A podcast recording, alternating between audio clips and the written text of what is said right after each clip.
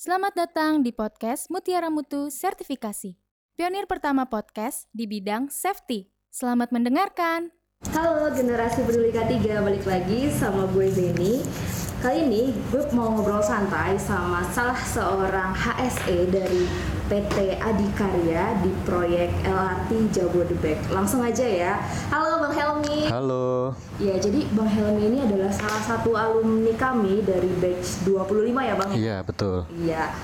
Jadi gini bang, gue udah penasaran banget, gue penasaran banget. Jadi eh, sebelumnya ini kan lo adalah yang gue tahu jurusannya itu di bahasa Arab ya? Ya, sastra Arab, Sastra betul. Arab, sastra Arab.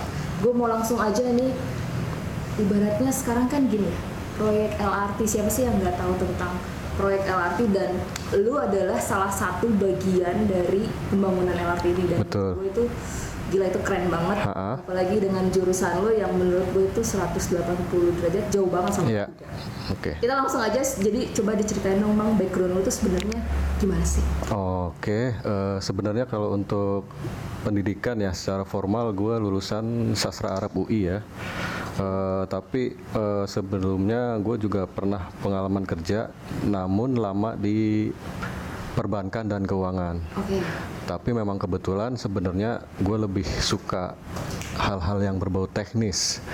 Ya memang kemudian juga orang tua punya perusahaan juga di mechanical electrical. Jadi memang udah sempat beberapa kali ke project. Dan juga eh, titik baliknya adalah ketika sudah merasa jenuh di keuangan. Oke Ah, ah.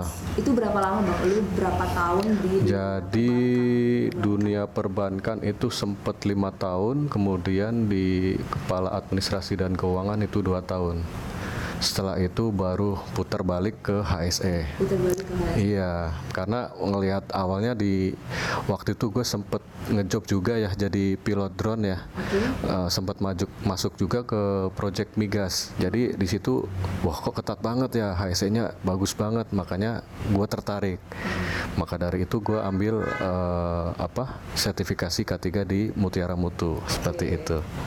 Terus lanjut lagi, susah nggak sih penyesuaian dari sastra Arab, perbankan, sampai akhirnya ke K3? Sebenarnya nggak begitu susah sih kembali lagi eh, ke diri kita masing-masing bagaimana ada kemauan dan keinginannya. Jadi bagaimana kita mau belajar ya. Jadi kalau kita sudah punya dasarnya atau tahu teorinya sebenarnya K3 tuh lebih banyak diimplementasi.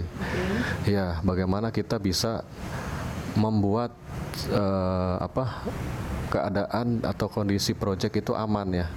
Makanya kan dalam hierarki pengendalian bahaya itu kan ada lima. Ya, kalau cuman ada eliminasi proyek nggak bakal jalan. Iya. Tentu ada langkah berikutnya. Jadi HSE itu nggak boleh saklek. Ketika nyetop, lu harus punya solusi. Solusinya seperti apa? Gitu. Jadi ya lebih ke seperti itu sih, feeling dan nalar kita di lapangan seperti apa. Ini lima hierarki, Bang Helmi ini masih ingat kalau misalnya alumni-alumni yang lain masih ingat nggak di pelajaran? Aduh, mudah-mudahan masih ingat ya. Terus Iya. lagi, apakah lu belajar K3 itu waktu dari sertifikasi aja atau atau memang sebelumnya tuh kayak udah sebelum sertifikasi gue udah cari tahu dulu nih tentang K3 atau gimana? Eh, Tentu sebelum sertifikasi udah cari tahu dulu ya K3 itu apa sih HSE itu apa jadi eh, pertama munculin dulu sukanya. Jadi kita tertarik dulu nih. Jangan sampai kita coba-coba tapi nggak ngerti kita mau ngapain sih. Sempet waktu itu gue daftar eh, apa ngelamar ya di perusahaan itu sebuah perusahaan logistik ya. Itu mungkin eh, posisinya masih safety awal tapi karena mungkin apa HRD-nya ngelihat CV gue udah pernah jadi manajer di perbankan jadi kayak dimentahin. Nah dan da- di situ saya ditanya kamu satu tahun atau dua tahun ke depan mau jadi apa? Saya bilang mau jadi HSE manager bu. Saya bilang gitu. Ya dan ya kebukti juga maksudnya di perusahaannya yang lain jadi HSE manager seperti itu Suka dukanya apa sih bang di dunia K3? Apalagi kan ibaratnya awal-awal pasti semua orang kan kayak Ha-ha. eh, kasarnya kayak micingin mata dong Betul. dengan ngeliatin ah anak perbankan, ah Ah, sastra gitu. betul siapa sih kayak kayak ya lu kok masuk, masuk ke K3 lu pasti nggak ngerti apa-apa gitu Uh, walaupun cuma modal sertifikat doang Betul. gitu ya. itu Ya, apalagi eh, kita kan eh, gua masuk pertama kali di dunia konstruksi ya, langsung di struktur. Jadi ya mau nggak mau pertama kita amati dulu, belajar dulu dari yang udah senior ya. Ini gimana sih? Ini ngapain sih? Jadi seperti itu. Oh, ini namanya pierhead, ini namanya borpel, ini namanya eh, upper head, lower head. Jadi seperti itu. Uh, jadi belajar dulu, kita amati, setelah uh, kita tahu baru kita mengimplementasikan. Jadi ya nggak langsung bener-bener dilepas, pasti ada pendampingan dari yang lebih senior. sebelum nanti ke pertanyaan terakhir nih bang.